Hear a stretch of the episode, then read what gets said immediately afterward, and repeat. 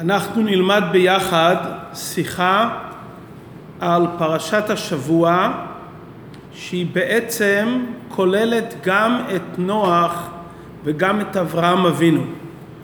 השיחה בליקוטי שיחות חלק ט"ו, השיחה הראשונה לפרשת לך לך. השיחה מדברת בנוגע לדברי המשנה במסכת אבות. מסכת אבות פרק ה' משנה ב' נאמר כך: עשרה דורות מנוח ועד אברהם. מנוח ועד אברהם אבינו היו עשרה דורות כפי שהתורה מונה את השמות של הדורות. שם, פרשת, שלח וכולי עד אברהם אבינו. מדוע התורה מונה את אותם עשרה דורות? לשם איזו מטרה? להודיע כמה ערך אפיים לפניו. שכל הדורות היו מכיסין ובאים עד שבא אברהם וקיבל שכר כולם. כלומר, הדורות שהיו מנוח ועד אברהם נמנו בתורה לספר לנו עד כמה הקדוש ברוך הוא מעריך אף, ממתין לרשעים שיחזרו בתשובה. הנה כאן אברהם אבינו שהיה צדיק, בזכותו העולם ניצל והוא קיבל את כל השכר של אותם עשרה דורות שהיו מנוח ועד אברהם.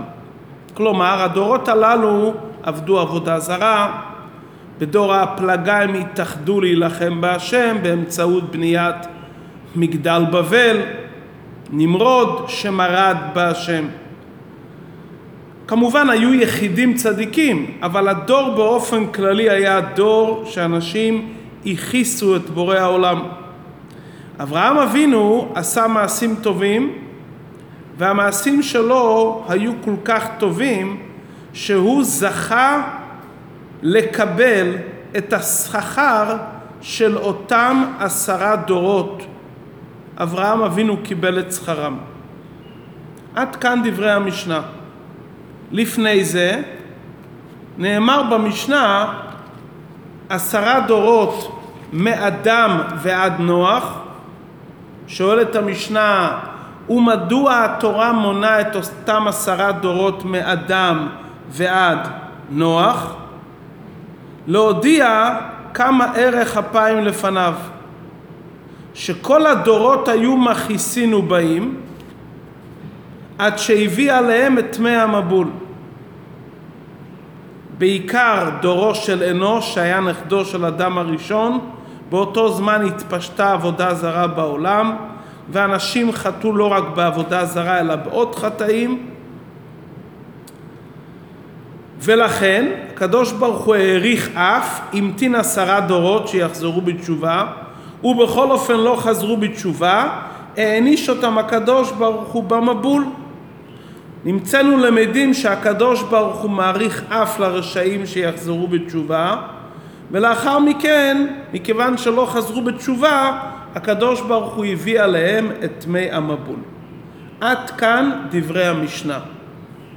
כלומר המשנה מדברת על התקופה מאדם הראשון ועד נוח ועל התקופה מנוח ועד אברהם אבינו. כלומר זה פרשת בראשית וזה פרשת נוח עד תחילת לך לך שאברהם אבינו הגיע לעולם. מה הכוונה שהיו עשרה דורות מנוח ועד אברהם שכל הדורות היו מכיסין ובאים בא אברהם וקיבל שכר כולם. רגע, אם הם היו מכיסים ובאים, איזה שכר מגיע להם? הרי לפני זה אמרנו שהיו דורות שהיו מכיסים ובאים, מהאדם הראשון ועד נוח, ושם אף אחד לא קיבל את שכר כולם. מדוע? כי הם היו מכיסים ובאים, לא היה שכר. איזה שכר יש בדורות מנוח ועד אברהם? והשאלה היא לצדדים, ממה נפשך? אם הכיסים מובאים אין להם שכר, איך אברהם אבינו קיבל שכר? ואם הכיסים מובאים יש להם כן שכר, מדוע נוח לא קיבל את השכר של אותם עשרה דורות מאדם הראשון ועד נוח? כלומר, אם הם בגדר אלו שהכיסו את המקום במעשיהם, לכאורה אין להם שכר. ואם כן יש להם שכר, מה ההבדל בין נוח לאברהם, שהעשרה דורות שהיו עד נוח לא זכו שנוח יקבל את שכרם, והעשרה דורות שהיו מנוח ועד אברהם, זכה אברהם וקיבל כן את שכרם. מפרשי המשנה דנים בזה, ישנם מפרשים שאומרים כך, שלכל אדם מלכתחילה יש חלק בגן עדן. לכתחילה.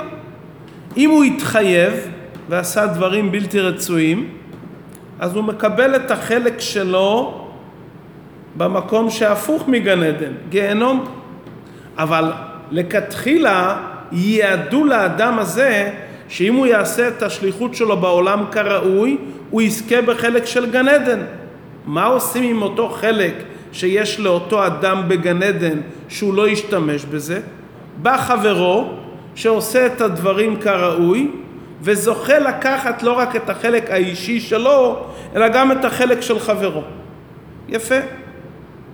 ההסבר הזה רק מחזק את השאלה, מדוע אותם עשרה דורות שהיו מאדם עד נוח, שלכאורה גם להם היה חלק שייעדו להם לכתחילה בגן עדן, מדוע נוח לא זכה לקבל את שכרם?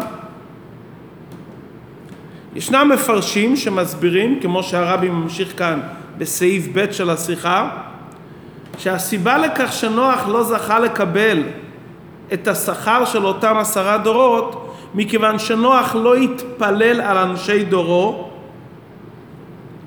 כראוי, והוא לא התמסר לקרב את אנשי דורו להשם. ולכן הוא לא היה מספיק ראוי לזכות לקבל את השכר של כולם.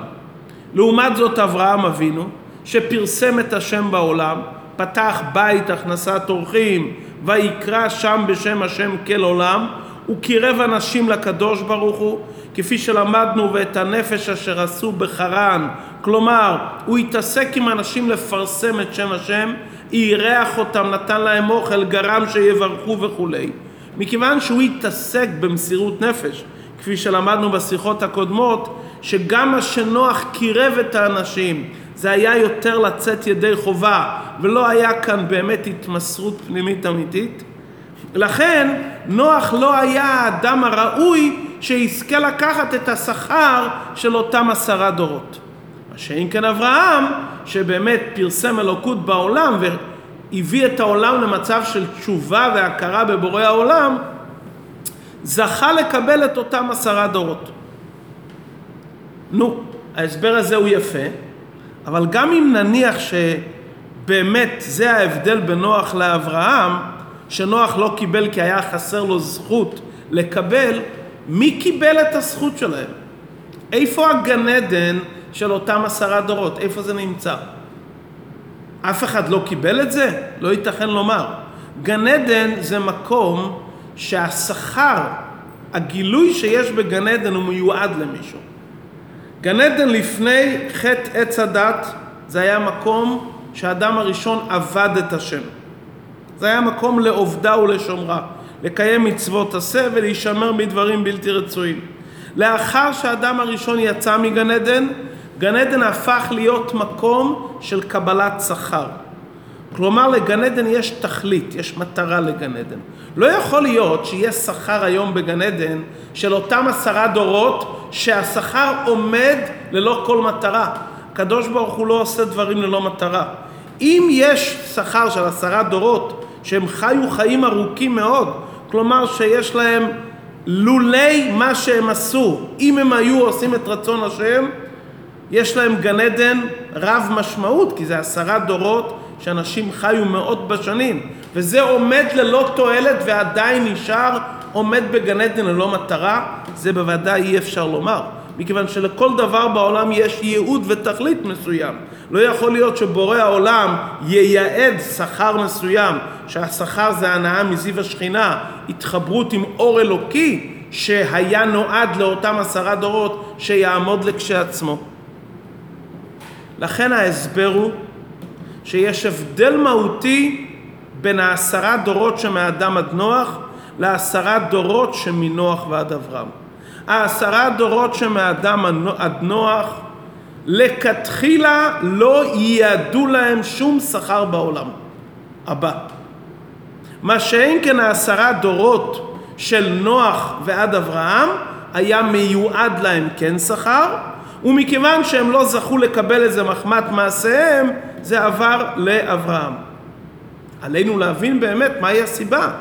מהי הסיבה שלאותם עשרה דורות מאדם עד נוח לא ייעדו לכתחילה גן עדן? כביכול הם היו אבודים לכתחילה, לא תלו בהם שום תקווה, ולכן אין מי שיקח את השכר כי לא ייעדו להם שכר. ולאידך העשרה דורות מנוח ועד אברהם כן ייעדו להם שכר, אבל הם לא התנהגו כראוי בחטאים שונים מהחטאים של העשרה דורות הראשונים, כפי שמבואר במפרשים שסוג החטאים היה שונה בין אדם למקום, בין אדם לחברו וכולי, ולכן את השכר שלהם אברהם אבינו קיבל.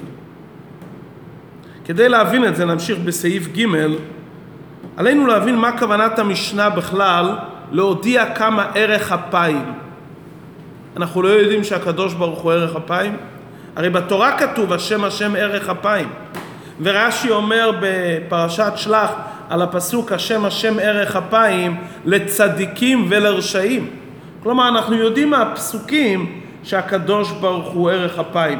מה המשנה רוצה, רוצה להודיע לנו שהקדוש ברוך הוא ערך אפיים?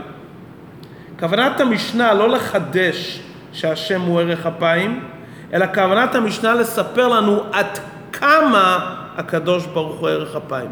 זה שהשם הוא ערך אפיים זה פסוק מפורש בתורה. אנחנו לא יודעים אבל כמה הוא ערך אפיים. כאן במשנה אנחנו לומדים שהשם מעריך אף ומחכה בסבלנות עד עשרה דורות, וכאן העשרה דורות היה 1,500 שנה. מאדם עד נוח זה היה דורות שכל דור חי מאות בשנים. ולכן המשנה באה ללמד אותנו שנדע שהערך אפיים של הקדוש ברוך הוא ומחכה וממתין שהאדם יחזור בתשובה אפילו עד עשרה דורות. מה הסיבה באמת שהמספר דווקא עשרה דורות? למה הערך אפיים של בורא העולם זה עד עשרה דורות? מה המיוחד במספר הזה? כדי להבין את זה, בואו נראה את תחילת פרק ה' במסכת אבות. הרי זה משנה בפרק ה', משנה ב'. מהי המשנה הראשונה באותו פרק? בעשרה מאמרות נברא העולם. ומה תלמוד לומר? והלא במאמר אחד יכול להיברות? השם ברא את העולם בעשרה מאמרות, ויאמר אלוקים, ויאמר אלוקים. ודאי שהשם יכל לברוא את העולם במאמר אחד. מדוע הוא ברא בעשרה מאמרות? מסבירה המשנה ואומרת ללמדנו את החשיבות של העולם להיפרע מן הרשעים שמאבדים את העולם שנברא בעשרה מאמרות וליתן שכר טוב לצדיקים שמקיימים את העולם שנברא בעשרה מאמרות. התורה מפרטת שהקדוש ברוך הוא ייחד מאמר מיוחד לכל חלק מהבריאה ללמד אותנו וללמד את האדם את גודל מעלת העולם ולתת לאדם את ההבנה שאם אתה מחריב את העולם אתה מחריב דבר שנברא לא ביום אחד. בשישה ימים ובעשרה מאמרות. ואינו דומה שובר כלי שערכו מטבע לכלי שערכו פי עשר. ואינו דומה אדם שמאבד עולם שנברא במאמר אחד לעשרה מאמרות. למרות שבעצם העולם יכל אותו עולם להיברות ממאמר אחד ומעשרה מאמרות. אבל האדם שאומר השקיעו בזה עשרה מאמרות בשישה ימי בראשית הוא מבין שהערך של העולם הרבה יותר יקר. וכדי להיפרע מהרשעים שמחריבים את העולם שידעו שהם הרסו את העולם שנברא בעשרה מאמרות. לאידך לתת שכר טוב לצדיקים שבמעשיהם הטובים הם מקיימים את העולם שנברא בעשרה מאמרות. זו המשנה הראשונה. ולאחר מכן מגיעה המשנה השנייה, ההבדל בין העשרה דורות מאדם עד נוח לעשרה דורות מנוח ועד אדם הראשון. מה סדר הדברים במשנה? יש לנו פרק כאן עם עשרה מאמרות, עשרה דורות, לאחר מכן עשרה ניסיונות, עשרה דברים שנבראו בערב שבת בין השמשות. סדר הפרקים במשנה, יש לזה סדר מסוים. זה לא סתם שהדברים נאמרים באופן כזה, יש כאן איזה סדר ותהליך מסוים. האם פרק A במסכת אבות זה לפי הסדר הזמנים של הדברים? לא. כי הנה, המשנה, הראשונות, המשנה הראשונה מדברת על בריאת העולם, אחר כך על הדורות מאדם עד נוח, מנוח עד אברהם, אחר כך על העשרה ניסיונות שהיה לאברהם אבינו, עשרה ניסיונות שנתנסו אבותינו, ופתאום המשנה חוזרת לעשרה דברים שהיו בערב שבת בין השמשות. אם המשנה מדברת לפי סדר הדברים, המשנה הייתה צריכה להביא את הדברים שנבראו בערב שבת בין השמשות מיד לאחר המשנה הראשונה של עשרה מאמרות שבהם נברא העולם. על כורכך עלינו לומר שיש כאן סדר מסוים של הבנה אחרת לסדר המשניות בפרק חמישי באבות שמדבר על אותם דברים שהם במספר עשר. המשנה הראשונה אמרנו מדברת על בריאת העולם ומבארת מדוע העולם נברא בעשרה מאמרות כדי לתת לנו את ההבנה, את הערך של העולם, להיפרע מן הרשעים שמאבדים את העולם, שימו לב, ולתת שכר טוב לצדיקים שמקיימים את העולם. על זה המשנה רצתה להביא לנו דוגמה. דוגמה לאלו שאיבדו את העולם ודוגמה לאלו שמקיימים את העולם. העשרה דורות הראשונים, מאדם עד נוח, זה סוג אנשים שאיבדו את העולם ועליהם אמרנו להיפרע מן הרשעים והעשרה דורות שהיו מנוח ועד אברהם הם סוג של דור של שכר טוב לצדיקים שהיה כאן קיום לעולם. עשרה דורות הראשונים התעסקו בעיבוד העולם. הקדוש ברוך הוא העניש אותם. ועשרה דורות מנוח ועד אברהם, גם שהיו מכעיסים ובאים, שהגיע אברהם אבינו והחזיר את העולם בתשובה, שלא בערך למה שעשה נוח, כפי שאמרנו לעיל, הוא גרם קיום לעולם. הוא קיים את העולם, הוא יצר והביא קיום לעולם, והוא קיים את כל העשרה דורות שהיו מכעיסים ובאים. כלומר, אברהם בעבודתו ובשליחות שלו האלוקית לפרסם אלוקות בעולם ולהביא את העולם לאמונה שלמה בבורא העולם, הוא גרם קיום לעולם. כלומר, משנה ב' זה המשך של משנה א'. המשנה מדברת על ההסבר, עשרה מאמרות, להיפרע מן הרשעים, סוג אנשים שמאבד את העולם וסוג אנשים שמקיים את העולם. העשרה דורות התעסקו בעיבוד העולם, והעשרה דורות של נוח ועד אברהם, אברהם אבינו גרם קיום לעולם. עדיין צריכים להבין מה בכל זאת היה ההבדל. למה אותם עשרה דורות לא היה להם זכות קיום? ועשרה דורות של נוח ועד אברהם, אברהם יכל לתת להם קיום. הרי גם הם וגם הם לא התנהגו כראוי. השאלה במה? בין אדם למקום או בין אדם לחברו? אבל שניהם לא היו מכעיסים ובאים. הבנת הדברים נעוצה בנקודה הפנימית שהעולם בנוי מדברים שיש בהם ניצוץ אלוקי, שאפשר לברר אותם, לתקן אותם ולהעלות אותם, וישנם דברים שהם לחלוטין רעים בעולם, כפי שהרבי מסביר כאן בסעיף A של השיחה. אנחנו רואים שעם ישראל יצא להילחם, היו מלחמות שחלק לקחו שלל לעצמם, על פי ציווי השם. והיו מלחמות שאמרו להם להחרים, להרוג, לאבד. מה הסיבה לכך? ידוע שיש ג' קליפות הטמעות, ישנם חלקים בעולם שאין בהם שום ניצוץ של קדושה, על כל פנים הניצוץ לא נמצא בגלוי לחלוטין, והדרך לטפל באותם דברים זה לאבד אותם. בלשון חכמינו, שבירתן זוהי טהרתן. כשאתה מאבד את הדבר, אתה מקיים את הדבר. אנחנו יודעים בדרכי הרפואה יש רגעים שאפשר לרפות וחייבים לרפות, ולצערנו לפעמים חייבים, לפעמים חייבים לעשות איזה טיפול להרוס את המקום. לאבד זה להשמיד? לאבד זה להשמיד, להשמיד את הדבר. ישנם לפעמים רגעים, מצבים שהרופא אומר, החלק הזה כרגע, כדי לשמור על כל הגוף, החלק הזה צריכים כרגע להרוס אותו, חס ושלום, מקרים מסוימים, לא על אף אחד. אבל יש כזה מצב, שהמצב הגיע לכזה רוע, לכזה מקום לא טוב, שאי אפשר לתקן אותו לחלוטין. והתיקון כרגע שבירתן זוהי תקתן, טהרתן. שבירתן זוהי טהרתן. היכן מצינו בתורה דוגמה מעין זה? שריפת פרה אדומה. מה זה שריפת פרה אדומה? שורפים את הפרה?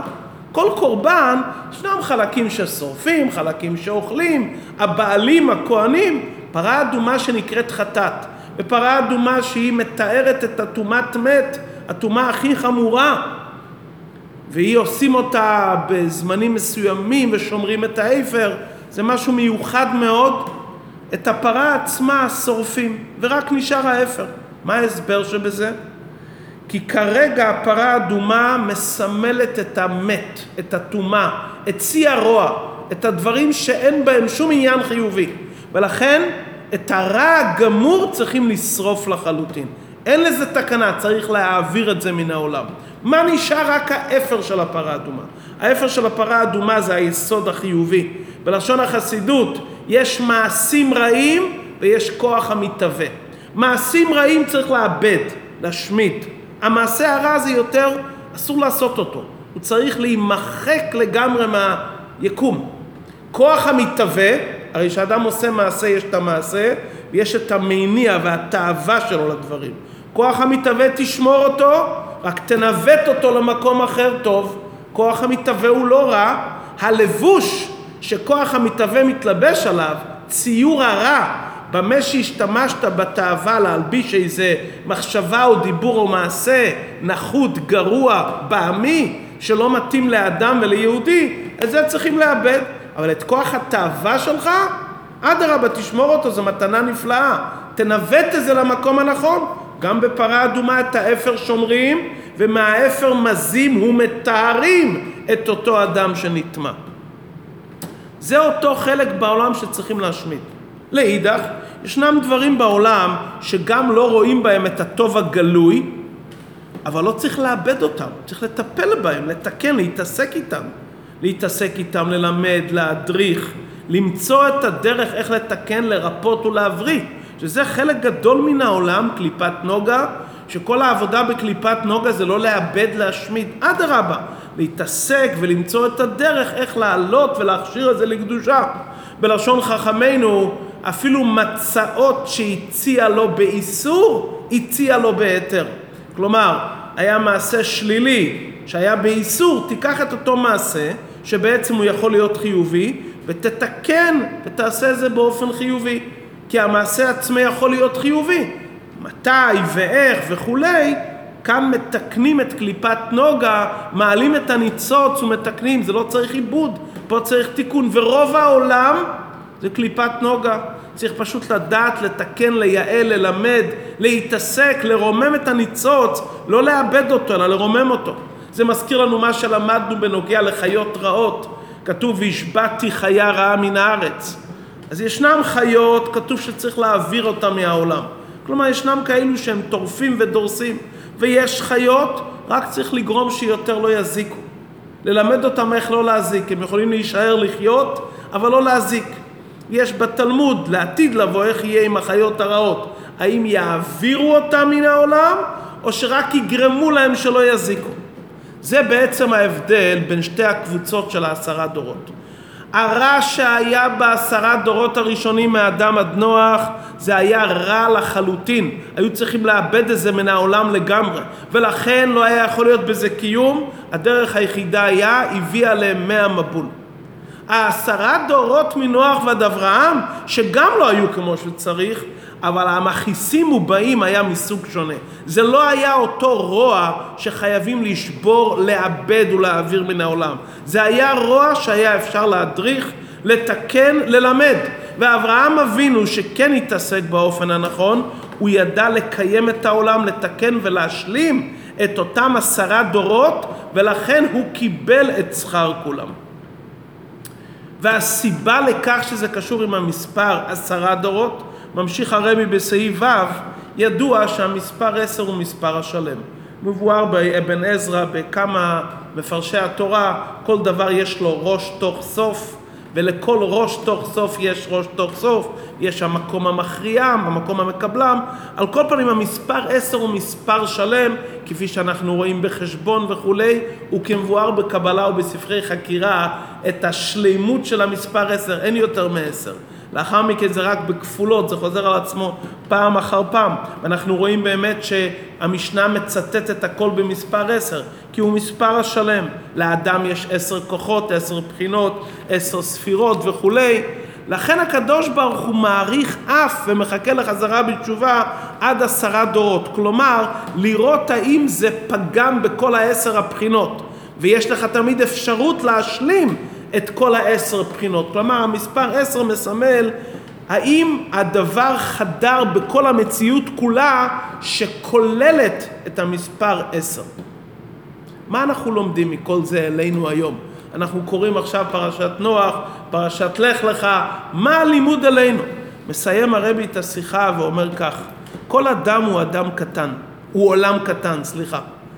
וכשם שבעולם הגדול יש דברים שאפשר לברר ולתקן, וישנם דברים שצריכים לאבד ולהתנתק מהם לחלוטין. כך אצל האדם יש בחיים תקופות שונות. יש לפעמים שאדם שקוע במשך עשרה ימים בעניינים בלתי רצויים. הוא רואה שהמצב טוב, ברוך השם הכל מסתדר לו, ואוהבים אותו ושמחים איתו. האדם עלול להגיע לידי טעות ולומר, שלום יהיה לי. יש לי ראייה, אני כבר עשרה ימים שלמים עושה דברים לא, לא ראויים לחלוטין, וברוך השם אני בריא ושמח וכולם אוהבים אותי. אומרת המשנה תדע, למרות שיש לך טוב במשך עשרה ימים, הקדוש ברוך הוא מעריך אף. הקדוש ברוך הוא ערך אפיים. הוא סבלן עד זמן מסוים, זה יכול לקחת תקופה מסוימת, אבל תדע, הדברים לא נהיים ראויים בגלל שיש ערך אפיים למעלה עד גבול מסוים. תדע שאתה צריך להביא על זה את מי המבול. אל תחכה שיביאו מישהו אחר מהמבול. תתקן אתה בעצמך. תתנתק מאותם מעשים רעים שאתה עושה, למרות שאתה אומר אני כבר עשרה ימים עושה את זה, וברוך השם הכל טוב לי, אני מסודר בחיים, וכולם אוהבים אותי.